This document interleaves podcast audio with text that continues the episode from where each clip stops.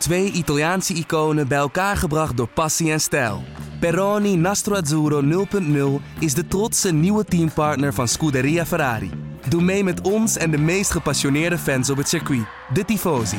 Samen volgen we het raceseizoen van 2024. Salute, Tifosi! Goeiedag, fijn dat je weer luistert naar de Bordradio, de Formule 1-podcast van nu.nl. Abonneer je vooral ook even op de Bordradio via iTunes of je eigen favoriete podcast-app. Ja, we hebben afgelopen weekend een race gezien om van te smullen. Met een formidabele prestatie van Max Verstappen, die tweede werd. Kimi Räikkönen, die voor het eerst sinds hele lange tijd weer een race won. Een race waarin Lewis Hamilton wel, niet, wel en uiteindelijk toch niet wereldkampioen werd. Althans, nog niet. Mijn naam is Daan Smink en ik ga het erover hebben met onze Formule 1-verslaggevers Joost Nederpelt en Bart van Dooyeweert. Die de hele race op het eh, puntje van een stoel zaten. Toch hebben jullie de race op een heel verschillende manier beleefd, jongens. Want uh, Bart, om met jou te beginnen. Jij tikte hier op de redactie het raceverslag. En dat moet denk ik een, eh, een hel zijn geweest in een race waarin zo ontzettend veel gebeurde. En die tot de laatste meters zo spannend was. Uh, en terwijl wij natuurlijk het streven hebben om alle seconden na afloop een uitgebreid verslag online te hebben staan. Ja, klopt inderdaad. Want er waren uh, ja, een stuk of drie, vier uh, scenario's waar we rekening mee moesten houden. Uh, Verstappen wint, Verstappen wint niet. Hamilton wel wereldkampioen, Hamilton niet wereldkampioen. Uh, Rijkonen wint of iemand anders wint. dus ja, de, je probeert altijd verslag al een beetje van tevoren tijdens de wedstrijd te tikken. En ja, dan zie je vaak al een beetje van tevoren welke kant het op gaat, wie er aan het winnen is. Maar dit keer was het echt tot de laatste drie, vier rondjes. ja, was er eigenlijk geen zinnig woord over te zeggen wie er zou gaan winnen. Of dat Hamilton zijn titel zou pakken of niet. Precies, fantastisch voor de kijker. Uh, maar uh, voor jou was het, was het een crime. Ja, voor, van de ene kant zit je natuurlijk ook al, uh, zoals je zegt, op het puntje van je stoel. Want als je bij zo'n race niet op het puntje van je stoel zit, kun je beter nooit meer Formule 1 kijken. Zo is dus, ja, het was wel echt genieten. En het bouwt zich ook echt op mooie climax naar het einde. Hamilton die kwam na zijn tweede pitstop, waar voor mij nog 19 rondes te gaan, kwam hij met 8 seconden achterstand op Verstappen en 12 op Rijko. En dan kwam hij weer de baan op. En ze reden langzaam naar elkaar toe. Het werd 4 seconden, het werd 2 seconden, het werd heel lang 1,2 seconden. Dat ze net niet in die DRS van elkaar zaten. En die laatste vijf, vijf ronden zaten echt ja, vlak achter elkaar. En uh, ja, die toch wel epische strijd tussen Verstappen en Hamilton. Uh, dat Verstappen hem net voor wist te blijven. Hij, hij leek er eigenlijk al voorbij Hamilton. En toch, ja. uh, toch was, bleef Verstappen net voor. Dus ja, dat was wel echt een prachtig duel. Dat was prachtig. te zien. Ja, komen we zo uitgebreid over, over te spreken. Hoeveel, hoeveel versies had je uiteindelijk klaarstaan van je verslag? Ja, ik geloof, geloof drie inderdaad. Want we moeten ook altijd snel zijn met een pushbericht als, als Hamilton wereldkampioen wordt. Dus dat moet je binnen een seconde na de geblokte vlag wil je dat versturen eigenlijk. En je wil ook een, een versie klaar hebben staan als Verstappen wint. En de, de versie dat, dat Rijkonen wint en Verstappen 2 wordt en Hamilton derde wordt, die het uiteindelijk, uh, de versie die het uiteindelijk is geworden, die, uh, die hadden we ook klaarstaan. Gelukkig. Ja, je zat continu te rekenen, te rekenen en te rekenen, denk ik. Ja, klopt. Want uh, inderdaad, als Hamilton Verstappen was ingehaald en Vettel was 50 gebleven achter Bottas, dan was die wereldtitel ook een feit ge geweest. Dus ja, dat had ook nog gekund. Ja, ja, het kon alle kanten op een gegeven moment op. Joost, hoe heb jij dat beleefd? Jij zat geloof ik als vanouds met de tijdenmonitoren en, en Twitter bij de hand alles, alles te volgen en, en in kaart te brengen op een iets andere manier dus. Zeker, ja. Ik had een, een fantastische autosportavond voor mezelf gepland met de Formule 1 uiteraard. En de NASCAR uh, erachteraan.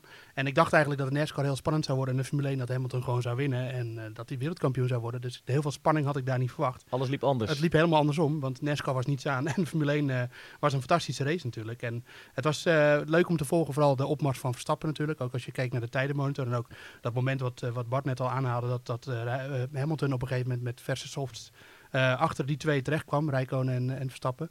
En dan dacht ik, nou, Hamilton gaat dat gat heel snel dichtreden. Dat deed hij ook. Maar Verstappen reed ook stiekem steeds verder naar, uh, naar Rijkonen toe. Rijkonen die ook wel een beetje banden aan het sparen was. Als ik ja, ze, ze finishten met z'n drieën binnen 2,3 seconden, geloof ik. Hè? Ja, en dat ondanks natuurlijk nog dat, uh, dat Hamilton even van de baan was geschoten. En dat was natuurlijk ook het beslissende moment. En Hamilton... Uh, nou, het is goed om te zien dat Hamilton evengoed nog zo'n risico neemt. Terwijl hij natuurlijk in de titelstrijd. Nou, hij kan zich ook wel een foutje veroorloven. Maar uh, daarin vol is verwikkeld. En in principe gewoon kampioen kon worden hier. Maar hij probeerde dan toch bij Verstappen buitenom. Hij moest het natuurlijk ook doen. Uh, kwam op het vuil. Uh, Verstappen hield zijn lijn. Maar het grappige was dat Verstappen eerder in de race uh, een soortgelijke situatie had met Vettel. En Vettel had natuurlijk ook versleten banden en Verstappen had nieuwe banden. En Verstappen lukte het toch wel om op exact dezelfde manier Vettel in te halen. Dus uh, ja, Verstappen maakte echt geen enkele fout in de hele race. Van plek alles. 18 gestart en plek 2 gefinished. Ja, dat, is, dat, moeten we niet normaal gaan vinden met z'n allen. Dat, dat is gewoon absurd. En nee, dan kun je nog een snellere auto hebben dan het grootste deel van het veld. Ja. Maar, maar dan nog. Ja, ja de, la de, laatste was Maldonado, hè, die in, buiten de eerste 18 moest starten en toch nog op het podium reed. Ja, nou, Maldonado is natuurlijk Hele ook, een, ook een speciale 2003 of coureur. zo, maar- geloof ik, ja, op een andere manier. Ehm, en en het eh, complimenten voor Red Bull, die natuurlijk wel van alle topteams de beste strategie hadden. Want eh, anders finish je niet binnen één seconde van de leider, terwijl je als 18 start. En de undercut eh, die, die Red Bull bij Bottas pleegde, die was al heel erg mooi. Een paar rondjes eerder naar binnen, dan op supersoft. Bottas ging daarna op soft naar binnen. Ja. Net die tijd die Vettel, of die Verstappen daarmee had gewonnen in die paar rondjes, die eh, brachten hem voorbij Bottas. En toen lag het veld eigenlijk open. Hij had natuurlijk ook geluk, hè, laten we wel zijn. Want in de eerste ronde gingen er al een paar voor zijn neus eh, van de baan af. Eh, kon hij een stukje afsnijden. Hij had geluk dat, eh, dat Vettel natuurlijk een fout maakte. Of in ieder geval eh, betrokken was bij een incident. Dat Ricciardo uitviel. Toen dat Ricciardo uitviel. Dus het, Tuurlijk, zat, ook, het het, zat ook, het zat ook mee. Maar ja, uiteindelijk als iemand eh één seconde van de leider finisht terwijl je als 18e bent gestart, dan, dan doe je iets speciaals. Dat moet Dan gewoon, is dat absoluut geen geluk ja. of toeval eh, Nee. waar je het helemaal kan toeschrijven. Nee, nee. Vintage Verstappen noemen ze het zelfs. Hè? Het is een klassieke Verstappen race was het, eh zeiden ze over de boordradio's en eh, zijn team. Ja, het is, je zou kunnen zeggen van. eh, Hamilton heeft dat ook voorgesteld hè, om, eh, om we- bepaalde weekenden wat specialer te maken. En bijvoorbeeld ook met een reversed grid te werken, zoals ze dat in de Formule 2 doen.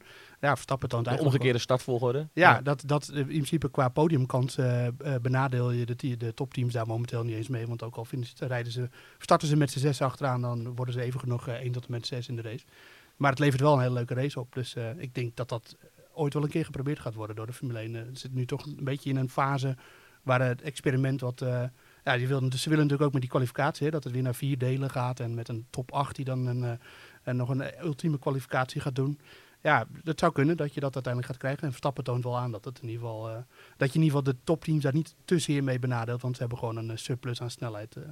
Eh. Ja, want dat is denk ik eh, de- de mooie conclusie van deze race. Dat het toch eh, ineens heel onvoorspelbaar was. Hè? Iedereen dacht misschien het seizoen eh, bloedt een beetje dood. Hamilton wordt nu eh, lachend wereldkampioen en het is gebeurd.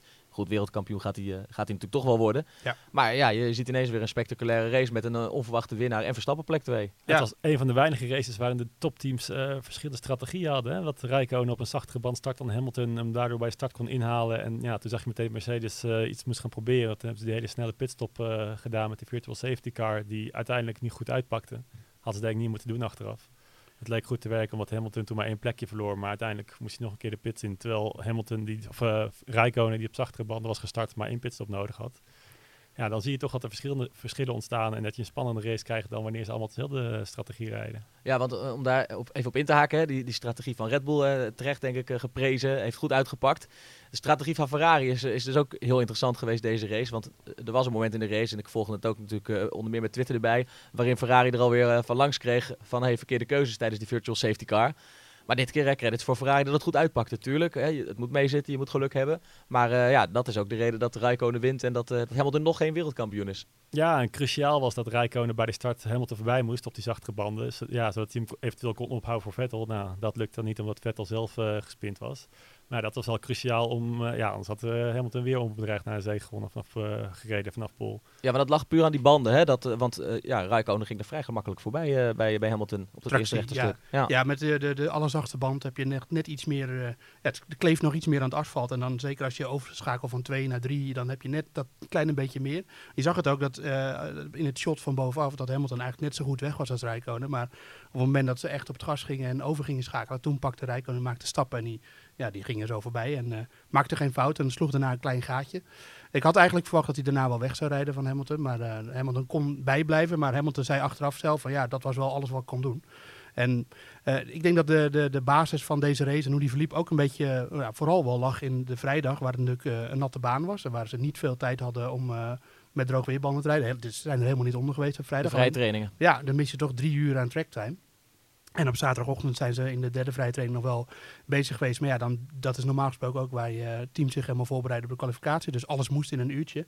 En daardoor wist Mercedes waarschijnlijk niet hoe lang de softband mee zou gaan. Ook niet bij deze temperatuur. Dat, want dat die- hebben ze niet kunnen testen. Nee, en dat was, ja, deze temperatuur hadden ze ook alleen maar op zondag. Want op zaterdag was het veel kouder en bewolkt, was de asfalttemperatuur veel lager. Eh, Ferrari, eh, ja, voor Ferrari pakte het goed uit. En, en voor Mercedes, die hadden gewoon... ja, ze zeiden ook tegen Rijkonen van doe, of tegen Hamilton, doe het, het verschillende van Rijkonen. Dus Rijkonen deed een dummy. Ja. Die, zei, die deed eigenlijk alsof hij naar binnen ging. Ging toch net niet, niet naar binnen onder die virtual safety car. En ja, het was voor Mercedes de derde keer dit seizoen dat een virtual safety car voor hun negatief uitpakte. En dat gebeurde in Australië al. Daar gooide Hamilton de overwinning weg. Dat gebeurde in Oostenrijk. Nou, toen viel hij uiteindelijk uit, maar toen gaf hij ook de leiding weg. En dat gebeurde nu weer. Dus de virtual safety car, eh, ja, we, we hebben het niet vaak- goed gezind. Nee, we hebben het vaak over Ferrari en de, en de, de strategische keuzes die ze, en de strategische business die ze ook zeker maken. Laten we dat vooropstellen. Maar het is, het is wel de derde keer al dit seizoen dat, dat Mercedes met de virtual safety car in ieder geval de mist in gaat. En dat komt ook omdat ze gewoon niet wisten hoe lang die softband mee zou gaan. Maar het, het, het, het was een combinatie van factoren. Weinig rijtijd op vrijdag, die safety, virtual safety car. Eh, en ook nog eens het feit dat het warm was. Wat Ferrari over het algemeen gunstiger gezind is wat banden betreft dan, eh, dan Mercedes. Daar heeft Mercedes nog steeds moeite mee, hè? Die Ja. banden die dan sneller slijten. Nou ja, ze hebben dat eh, voor een deel wel opgelost, eh, leek het de afgelopen races. Maar nu kwam het met deze, dit, de, deze band kwam het zomaar weer terug. En Ja, want om daar even op in te haken. eh, je zei net al, eh prees de, de strategie van, eh, van Red Bull die goed uitpakte. Maar ik hoorde Horner na afloop ook zeggen dat hun strategie eigenlijk ook was om nog een keer te stoppen. Ja. Ja. banden te wisselen. Alleen hij zegt, ja, Max was zo zuinig met zijn banden. Hij hield het tot het einde vol. wat opmerkelijk was, want hij reed ook best nog wel lang achter Rijkonen, wat, wat Ja. hem echt banden kost. Ehm, ja, die supersoft, dat zei Verstappen zelf ook, die functioneerde gewoon beter dan de soft. Eh, dus eh, dat is, dat, meestal is het zo dat de hardere band, eh, want de soft klinkt tegenstrijdig, maar dat was de hardste band die mee was. dat de hardere band langer meegaat dan de, dan de eentje maatjes achter, zeg maar. En dat, dat was nu niet zo. Dus, en Verstappen ja, staat natuurlijk bekend als de, de bandenfluisteraar. Dus dat is niet voor het eerst dat hij daarmee opvalt. Ja, pakt er goed uit. Ja, wat interessant aan wat je zegt, denk ik, is ook eh, dat als ik goed luister, dan is dit verhaal een soort pleidooi eh, voor wat minder tijd voor de vrije training op vrijdag. Want dit zorgt voor onvoorspelbare races. Of is dat, of is dat de bocht? Nou ja, het, is, het, heeft twee kanten. Aan de ene kant is het zo dat het dan onder de topteams waarschijnlijk spannender worden, omdat, wordt, omdat ze van elkaar niet weten eh, wat ze doen en van zichzelf eigenlijk ook niet weten wat ze doen. Want Mercedes leek toch gisteren op dat ze niet helemaal wisten waar ze mee bezig waren met die softband. Aan de andere kant krijg je dan, eh, het is niet zo dat de topteams dan in het nadeel zijn. Die zijn juist eerder nog meer in het voordeel, want die hebben de capaciteit en de mensen om alles door te rekenen en, te- en te, eh, te simuleren ook. Ze hebben natuurlijk de beste simulators. Eh, dus dan krijg je waarschijnlijk dat het gat met de, de, de achterhoede, of tenminste ja, de, het B-kampioenschap, zoals we dat tegenwoordig al noemen, nog groter wordt. Dus Dat moet je eigenlijk ook weer niet willen. nee, Maar, ja, nee. En, en natuurlijk voor de fans is er dan minder tracktime die, bij de, bij, die de Grand Prix bezoeken. Dus dan, eh, ja, dan heb je alleen nog maar op zaterdag en zondag actie. Ja, maar ja. eh, dat staat wel ter discussie.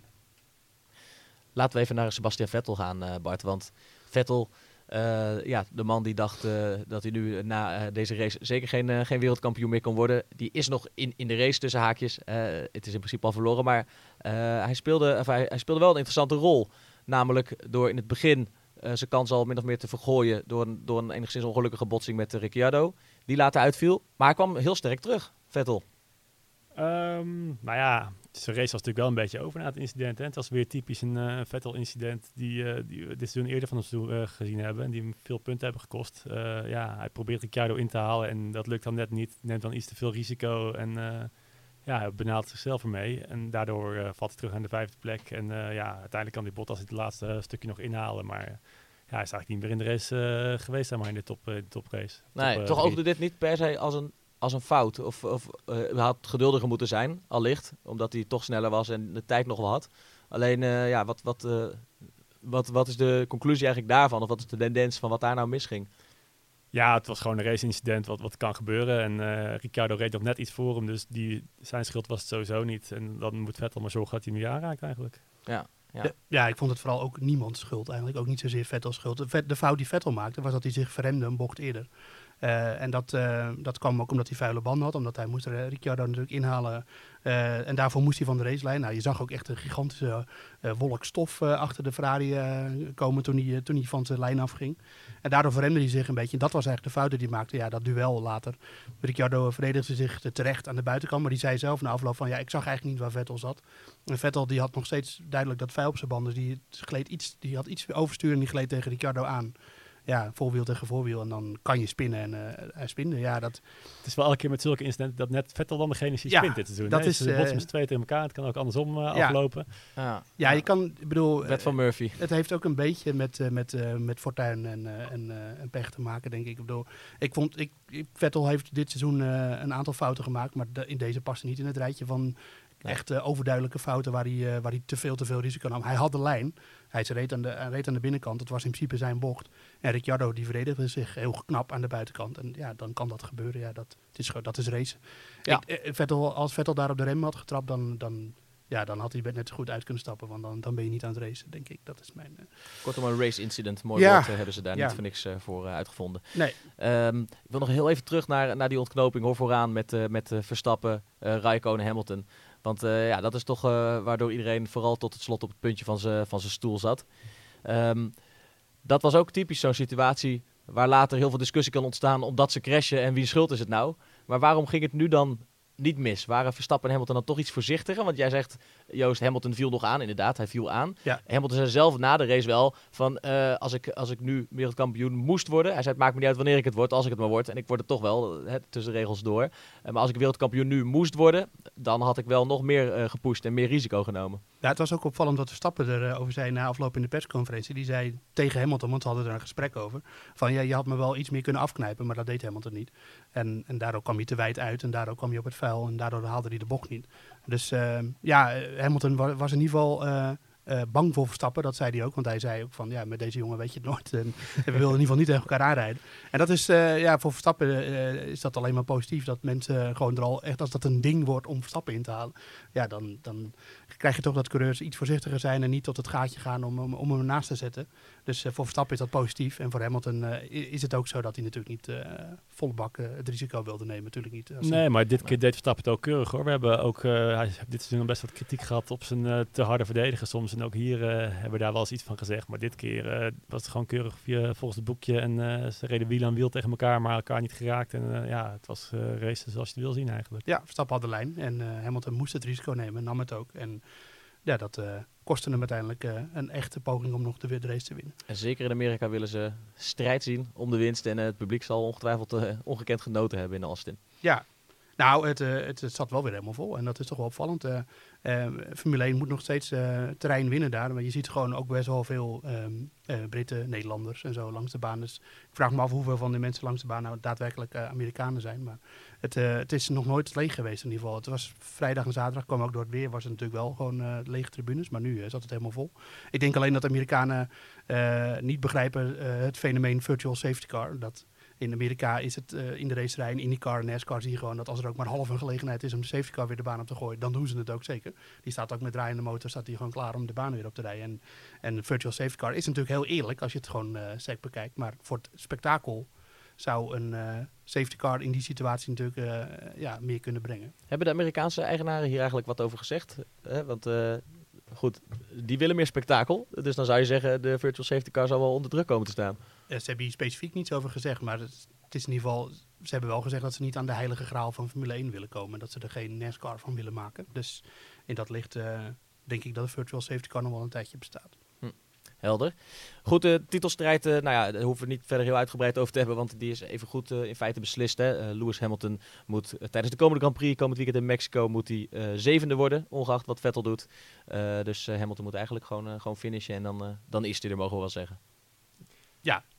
Ja, dat kan bijna niet fout gaan. En ook als, als Vettel tweede zou worden, dan is Hamilton een uitvalbeurt is hij al kampioen. Dus eh, ja, het gaat dus gewoon eigenlijk Het gaat gebeuren. 99% zeker in Mexico gebeuren en anders 100% zeker eh, in een van de andere twee races. Ja, ja, Hamilton stond er in de afloop niet voor niks heel relaxed, eh, heel relaxed bij. Ja, maar toch was hij wel. Hij had toch wel graag willen winnen, denk ik, de, de race. En dat, dat, hij was, Ja. zat toch wel een beetje teleurstelling. Ja, hij, tuurlijk, baalde, hij zei openlijk ook wel van, eh, ja, ik weet niet wat er mis is gegaan, maar onze strategie, eh, dat was niet best. Nee, nee, was ook niet Nee, zo. bij Mercedes ze natuurlijk alles al klaargemaakt voor zijn kampioenschap. Weet je wel, de bloemen staan al klaar Tuurlijk. en de t-shirts zijn bedrukt en het champagne staat in de koelkast en noem maar op. En ja, dan wil je eigenlijk gewoon feest vieren en eh, je moet nog een weekje wachten. Ja, nou ja, even geduld en het eh, komt voor Hamilton eh, normaal gesproken gewoon nog eh, goed. Ehm, iets nieuws in deze podcast. Vragen van luisteraars, lezers. Wij hebben op nu.nl en in de podcast al eerder opgeroepen. Stuur je vragen in. Heb je vragen naar aanleiding van deze race? stel ze aan, aan onze verslaggevers. Ehm, daar hebben we het een en ander van binnengekomen. We hebben er in ieder geval twee leuke vragen uitgepikt die ook relevant zijn om nu, nu te behandelen. Eh, de eerste vraag van Cas van Nistelrooy. Eh, waar kreeg Carlos Sainz een, eh, een penalty voor? Want op tv eh, zegt hij lieten ze een herhaling zien van de eerste bocht, maar daar kan het onmogelijk gebeurd zijn. Maar ik geloof dat jij zei dat het wel daar gebeurde, Joost. Ja, het was, eh, ja, het was wel de eerste bocht. Want hij volgde eigenlijk Vettel, maar eh, er zat een verschil tussen wat, eh, wat Sainz deed en wat Vettel deed. Vettel die pakte eigenlijk dezelfde lijn, maar die moest, eh, die, als je goed kijkt, zie je dat hij heel even moest remmen voor Bottas. En daardoor eh, om die hobbels die er lagen heen, de verstoppers, zoals ze in, in Amerika tegenwoordig noemen. Ehm, en Sainz die eh, remde tegelijkertijd in de eerste bocht, of remde eigenlijk nog achter eh, Ocon en Magnussen. En pakte een wijdere lijn, kon daardoor meer snelheid houden en haalde twee man in door die lijn te kiezen. Vettel haalde niemand in, dat was het verschil. Dus ehm, ja, Sainz die, eh, die had wel degelijk, profijt van die, de lijn die hij koos, die hij niet hoefde te kiezen in de eerste bocht, want er reed helemaal niemand voor hem. Het enige wat hij deed was achter Vettel aanrijden, maar Vettel moest wel uitwijken, haalde niemand in. Sainz hoefde Hij niet wel. uit te wijken en haalde wel twee man in. En daardoor kreeg hij die straf. Ja, dan zijn ze in die, in die eerste ronde wat eh coulanter. Heb je speciale regel voor. Ja. Eh, maar goed, dit, dit, eh, dit mag sowieso niet. Nou ja, dan had er een reden moeten zijn waarom hij die lijn koos en die was er niet. En En, Verstappen deed het ook, hè? ja, dat was een, een bocht verder, maar die, daar vlak voor zijn neus gingen Stroll en Alonso en eh, wie, wie reed er nog meer bij. Er gingen een aantal met elkaar van de baan af Ja. en, en dat was wel verstandig om dan een, ja, Verstappen maximaliseerde dat ook wel weer, wat hij, eh, wat Dat, hij dat mocht deed hij heel slim, ja. Ja, gewoon oké, ik hoef je niet te sturen, we gaan rechtdoor. Maar eh, ja, wat mij betreft was dat het, eh, de reden waarom Sainz de, de straf kreeg en het is uit te leggen in ieder geval. Ja, helder. Andere kijkervraag, kijkersvraag, lezersvraag, luisteraarsvraag, hoe zullen we ze noemen? Van Bob Lindhorst. Hoeveel sneller, vraagt hij zich af, is de Honda-motor vergeleken met de Renault-motor op, op de rechte stukken? Als ze in de rechte lijn rijden. Eh, is daar, in hoeverre is daar wat zinnigs over te zeggen? Want het is een mooi bruggetje, want hadden hem zelf ook als onderwerp genoteerd. Dat moet natuurlijk de komende races sowieso een terugkerend onderwerp zijn, hè? Die, die Honda-motor. Want eh, ja, daar hangt eh, ongeveer alles vanaf voor volgend jaar voor, voor Red Bull. Wat is daarover te zeggen op basis van deze race? Ja, is moeilijk, want ja, je hebt natuurlijk altijd de, de topsnelheden die ze halen. Maar het hangt natuurlijk ook af van de, van de vleugels, hoe die opgesteld zijn, van de brandstof die er nog is, van de banden waar ze mee rijden. Dus je kunt nooit één op één zeggen van die auto is sneller dan die auto. Eh, ik heb even een lijstje van de het speed trap van de kwalificatie. Dus gewoon de topsnelheden van alle auto's in de kwalificatie eh, voor me staan nu. Ja, dan zie je dat Rijkonen en Vettel 1 en 2 zijn met eh 327 km per uur en 326. Verstappen is 20 en laatste met 309 km per uur. Is eigenlijk gewoon de traagste topsnelheid van iedereen gehad in de kwalificatie. Heeft natuurlijk ook weinig gereden in de kwalificaties. Het zal er Ja, ook dat heeft ermee te maken, zeker. Ja, twee Toro Rosso's met de Honda motor. Dan die staan eh, achtste en negende, eh, Hartley en Gasly. 320 en 319. Dus die geven eigenlijk maar 7 kilometer eh, per uur toe op de Ferrari staan op de rechtstukken. Ja, in een mindere Toro Rosso met die Honda motor. eh, ja, is dat best wel veelbelovend eigenlijk. Want die Renault staan er allemaal onder in ieder geval. Oké, dus dat is, eh, het ziet er positief uit. We horen steeds meer positieve geluiden over die Honda motor. Eh, dat geldt dan voor zowel de snelheid als de betrouwbaarheid, of is dat eh, te makkelijk? Nou, er waren wel eh, allebei de Toro Rosso Honda's starten, starten wel weer achteraan dit keer, omdat we weer een motorwissel hadden. Ehm, ze hebben die nieuwe motor geïntroduceerd in Japan. Die was er eigenlijk ook al in Rusland. Daar was er, waren de vibraties en er was er iets met de montage aan de hand. In Japan heeft hij wel in de auto gezeten tijdens de race. Eh, maar ze hebben nu toch nog weer iets, ja, toch wel fundamenteels aan moeten passen, eh, lijkt het. eh, om, want er moest weer een nieuwe motor in bij, bij de coureurs. Ehm, maar natuurlijk heeft Honda ook al gezegd dat, ze, dat ze wel veel gaan experimenteren bij, in de laatste paar races. Om, om volgend jaar zo goed mogelijk voorbereid te zijn. Kijk, voor Gasly hoeven ze het niet meer te doen, want die heeft zijn zitje toch wel voor volgend jaar. En Hartley die moet alleen nog aantonen dat hij beter is dan Gasly. Nou, dat gaat hem niet meer lukken. Hoewel, Hij ja, heeft was, nu wel punten. hij had wel punten, maar dat was ook dankzij de straf van eh, Magnussen en, eh, en Ocon natuurlijk. Maar Hartley reed gisteren eh, een betere race dan Gasly, dat moet gezegd. Ehm, dus daarover hoeven ze het niet meer te doen. En ja, de Toro Rosso is uiteindelijk natuurlijk gewoon het opleidingsteam. En nu kunnen ze de motor opleiden in zekere zin. Dus ja, Honda die gaat, eh, je moet niet daarop kijken denk ik dat eh, als er eh, nog een paar motorwissels gaan volgen in de, in de resterende drie races. Ja, het Maar het, het, kijk, we, we weten dat de Renault-motor ongeveer 70 pk tekort komt op Ferrari en Mercedes. Die zitten ongeveer met elkaar gelijk. Ehm, en de consensus is wel een beetje dat Honda daar inmiddels eh, in ieder geval op gelijke hoogte zit, maar zeker ook wel een klein beetje voorbij is misschien. Dus, eh, dus dat die, voorbij eh, Renault. ja, dus dat die nou ja, minder dan 70 pk tekort komen. Ja, en wat, hebben ze dan, de, de vraag is vooral of ze dan nog genoeg tijd hebben richting het nieuwe seizoen om dat verschil nog kleiner te maken of helemaal te laten verdwijnen. Nou ja, ze gaan sowieso waarschijnlijk wel weer een hele nieuwe motor bouwen voor volgend jaar. Of in ieder geval een grondige verbetering proberen toe te brengen. Ehm, maar kijk, als Verstappen met de Renault-motor nu in een circuit waar ook al echt een heel lang... op een circuit waar nu al een heel, een heel lang rechtstuk in zit... toch eh, gewoon prima in de races mee kan komen met de top. En eh, Honda heeft ook maar een klein stapje volgend jaar. Die kan Renault natuurlijk ook nog maken. Dat is, eh, dan, eh, ja, dan ziet het er toch... eh, het, ziet er in ieder geval niet, het ziet er niet slecht uit, laten we het zo zeggen. De race snelheid ligt nu ook al niet aan. Hè? Het is gewoon Nee. de kwalificatie waar ze echt nog duidelijk tekort komen. De, De party mode. de party ja, mode, die ontbreekt. ja, dat is een, eh, een probleem nog steeds Ja. bij Renault. Goed, de Honda motor, we blijven hem ook de komende races eh, tot het einde van het seizoen met speciale aandacht volgen. Ja. Interessant. Nog iets nieuws. So box, box, box, box. goed, we doen, hier, niet heel, we, we, doen het hier continu eigenlijk. Hè, uitleggen en, en, duiden en analyseren van de race. maar het leek ons leuk en zinvol om er iets, iets uit te pikken wat je als, als kijker eigenlijk niet, niet direct ziet. En wat wel zijn impact heeft op de race. Wat gebeurt er aan de achterkant? Uh, wat gebeurt er uh, in de fabriek? Um, en uh, wat, wat zijn daar de gevolgen van?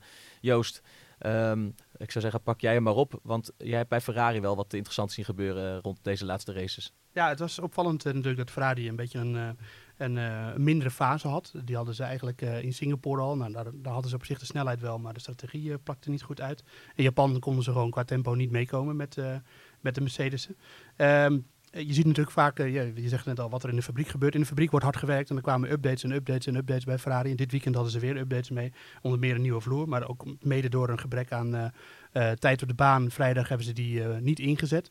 Maar het was opvallend wat Vettel na afloop zei van de kwalificatie. ja, hoe komt het nu dat, dat Ferrari in ene weer gewoon... Ja, als je het hebt over 600 in de kwalificatie, net zo snel is als Mercedes. Dan de vraag toch over dat komt. En dat Vettel zei, ja, we zijn gewoon een aantal updates teruggegaan. Dus um, dat houdt dus in dat er uh, misschien een, uh, één of twee vloeren terug, uh, wat achtervleugels, toch weer naar een paar configuraties eerder. Hebben en, ze dat concreter gemaakt? Weten we precies nee, waarmee ze zijn teruggegaan, wat er veranderd Vettel is? zei dat ze significant terug zijn gegaan. Dus nou, waar ga je dan aan denken? Dan ga je, kijk, een team als Ferrari en ook Mercedes, die verbeteren de auto elke race. Er zijn elke race nieuwe onderdelen. waar, welke race waren ze voor het laatst goed? Nou, dat was België. Um, dus uh, misschien zou dat België kunnen zijn. Of Monza ze het ook goed. Dat is natuurlijk een heel ander circuit dan, uh, dan, uh, dan Austin. Maar het was opvallend dat Ferrari in ene gewoon weer vooraan stond. En dat was niet alleen door het warme weer op zondag. Want dat is altijd voor Ferrari beter. Maar ook op zaterdag al in de, kwalificatie. Um, en, en je ziet natuurlijk vaak in vrije trainingen wel dat, dat, dat teams rondrijden met van die flowvis op de auto. Dat is van die felgekleurde vloeistof die ze dan op vleugels en zo uh, smeren. En daar, ja, elk, elk team is daar gewoon heel druk mee bezig. Hebben we een update? Nou, werkt die goed? Werkt die niet goed? ze hebben dus toch blijkbaar voor gekozen om die, die updates in te zetten bij Ferrari en in, in Japan bijvoorbeeld. En maar dat, blijkt dus toch niet te werken. Want pas als je dan in ene weer teruggaat naar een paar configuraties eerder, dan blijkt de auto in ene harder te gaan en, en beter te zijn dan de races ervoor. Dus dat is opvallend en ik, ik vond dat wel opvallend ook dat Vettel dat toegaf. Want daarmee geeft hij eigenlijk aan dat, dat bij de technische afdeling van Ferrari een paar afslagen verkeerd zijn genomen de laatste Ja, ik wou zeggen, daar hebben ze ja. even hun werk niet, niet goed gedaan. Je kan, nee. ook zeggen, je kan ook zeggen, het pleit wel voor Ferrari, want voortschrijdend inzicht en ze erkennen Zeker. hun fouten en denken, nou weet je wel, het is slim om een stapje terug te gaan. Ja. Maar toch. Maar ja, is, eigenlijk zou ze misschien inderdaad wensen dat ze deze, deze wat gedaan hadden. Dat ze gewoon met die auto in België ja. zouden zijn blijven rijden. Ja. Wat was er dan gebeurd? Ja. ja, updates zijn niet altijd verbeteringen. Dat is in ieder geval de les die je daaruit kunt trekken. En uh, dat, uh, dat heeft met allerlei omstandigheden te maken. Maar uh, het was opvallend dat Ferrari er weer bij zat. En we weten nu ook hoe dat komt. Ja, Onder, ondertussen is het uh, Formule 1 circus al zo'n beetje, ik denk nu aan het, aan het verhuizen richting Mexico. waar, uh, waar de volgende Grand Prix gereden gaat worden en waar Hamilton dus wereldkampioen naar alle met aan zekerheid grenzende waarschijnlijkheid gaat worden. Um, klopt het dat er misschien een coureurtje minder op de grid start bij de Grand Prix van Mexico? Meneer Grosjean? Nee, hij, krijgt, hij kreeg één strafpunt. Hij had er, al had hij er drie gekregen voor het incident met Leclerc in de eerste ronde, dan had hij het bokje geweest, want dan was hij geschorst geweest. Maar hij kreeg er één, dus hij, kan nog, hij kan nog een foutje maken. Maar hij heeft wel, hij zit echt op de limiet en hij, kan ook het komende jaar kan hij geen fouten meer maken. Want dan krijgt hij gewoon, ja, we, we, hebben Verstappen natuurlijk over gehoord. Die in aanloop naar de Grand Prix over die strafpunten, die vond het belachelijk. Ja, ja. En eigenlijk geldt voor Grosjean hetzelfde, want die heeft altijd voor klein, kleine incidenten, maar wel veel, heeft hij van die strafpuntjes bij elkaar gesprokkeld. Uh, de vorige keer dat, uh, dat er een coureur geschorst werd, was het ook Grosjean, wat opvallend is, want hij is ook de voorzitter van de GPDA, de Grand Prix Drivers Association, de belangengroep van de coureurs. en, ja, hij zit er vooral voor zijn eigen belang, dat is wel duidelijk. ja, en, en nu blijkt dus dat hij...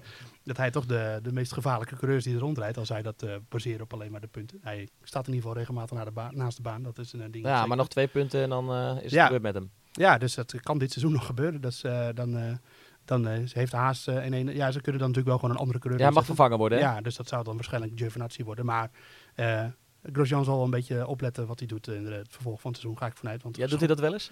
Nou ja, het was, ja, hij had echt een goede fase de laatste weken. De, ja. was, niet, was niet slecht bezig, maar nu het was ook een klein foutje. Ja, het was eigenlijk hetzelfde soort foutje als Vettel maakte. Uh, onderstuurd in een andere auto. Alleen hij tikte daarbij een andere auto achterstevoren in plaats van Vettel die zichzelf achterstevoren uh, liet ja. gaan. Is dus dat puntensysteem, goed hij is er dus gewoon, uh, gewoon nog bij in Mexico, maar is dat puntensysteem echt puur omwille van de veiligheid in het leven geroepen? Of is het, is het meer dan dat? Ja, het is gewoon strafpuntensysteem. Een, een systeem om ervoor te zorgen dat coureurs zich een beetje gedragen op de baan. En dat, uh, ja, je kunt ze daarmee straffen en uh, je kunt ook een uh, redelijk willekeurige hoeveelheid strafpunten geven. Dus ja, je kunt iemand een flinke douw geven als, als steward zijn. En het was nu wel terecht dat, dat Grosjean niet drie strafpunten kreeg, want het, was niet, het stelde niet heel veel voor. Maar ja, hij vernietigde wel de race van Leclerc, want die vloer was beschadigd en die viel uit later daarmee. Dus ja, prima dat er een systeem eh, bestaat waarmee de coureurs een beetje in het gereel worden gehouden, eh, lijkt me. Ja, dat lijkt me, ook, uh, lijkt me ook niet gek. De vraag is natuurlijk of er met de kritiek van Verstappen en anderen wat gedaan gaat worden na het seizoen. En of ze dan de manier waarop er gestraft wordt misschien iets, iets aan gaan passen. Alles staat altijd open voor discussie natuurlijk. Dus dat, Zeker bij de Formule 1. Ja. ja. Goed, Mexico dus. toch nog even doornemen wat we daar dan, wat we daar dan kunnen, kunnen verwachten heel veel van Verstappen natuurlijk. Hè. Die heeft daar vorig jaar al gewonnen. En nu, uh, ja, nu is hij in Amerika al zo goed dat het uh, één seconde scheelt met de Rijkonen. Of hij wint hem ook. Ja, dit, dit belooft toch wel heel, heel veel uh, voor zijn kansen. Ja, hij is, hij is in bloed voor hemzelf. En, en zijn auto ligt dit circuit ook goed, hè? Ja, ja, dat is inderdaad wat bochtiger en wat, wat krapper op sommige delen dan in Amerika. Dus dit is wel iets wat de Red Bull goed zou moeten kunnen. En ja, een podium moet sowieso wel, wel haalbaar zijn. En, een pole position misschien? Ja, dat denk ik niet. Nee, dat heeft Mercedes en Ferrari in de kwalificatie hadden wel een streepje voor met die, eh, met die power ja. moties. Ook daar? Ja, denk ik wel. Ja, zeker daar ook. Want je hebt een, echt een gigantisch lang rechtstuk in uh, Mexico. Het is wel zo dat de motoren wat minder voluit kunnen draaien daar, want het ligt op grote hoogte. Dat is volgens mij twee kilometer hoogte in Mexico-stad. Dus uh, daar is minder zuurstof in de lucht en daar hebben de motoren het wat lastiger mee. Dus misschien is dat een beetje een equalizer voor de Renault-motor. Maar normaal gesproken in kwalificatie, dan komt hij net op dat lange rechtstuk te veel tekort en verliest te veel tijd. Dat hij, uh, maar ik sluit het ook niet uit. Het, het zou kunnen. En uh, ik, uh, het, het ziet er, Verstappen kijkt zelf heel erg uit naar Mexico. Daar heeft hij het ook al weken over dat dat een race is waar hij gewoon weer goed kan presteren. En uh, ja, dus uh, de, alle reden om, uh, om zondag te gaan kijken. En na de race van afgelopen zondag is er sowieso natuurlijk, zit iedereen weer in een goede vibe wat, wat Formule 1 betreft. En, Zeker, bijna 1,4 miljoen kijkers zag ik hè, op Ziggo. Ja, dus, ongekend. Ja, was ook een mooi tijdstip om te kijken natuurlijk. Eh, zondagavond 8 uur. Dat hielp zeker mee. En dat is volgende week weer zo. Dus, uh, Hij start weer om 8 uur? Okay. Uh, ja, volgens mij wel. Dat zou ik even moeten checken. Maar... Oké. Nou, we gaan het zien. We gaan het uh, volgen. Wij zitten hopelijk, uh, uh, we zitten zeker te kijken, maar hopelijk ook weer op het puntje van onze stoel bij de komende Grand Prix van Mexico. En daarna zijn we ook met de Boordradio natuurlijk weer bij jullie terug. nogmaals, abonneer je vooral ook op de Boordradio via iTunes of je eigen favoriete podcast-app. En uh, ja, blijf ons ook bestoken met, uh, met vragen. Uh, mail naar sport.nu.nl. we zullen ons op Twitter ook, ons op Twitter ook roeren rond de volgende Grand Prix. En ehm, laat het ons weten. En wie weet hoor je jouw, antwoord op jouw vraag terug in de volgende podcast. Bedankt voor nu. Tot volgende week. Dag.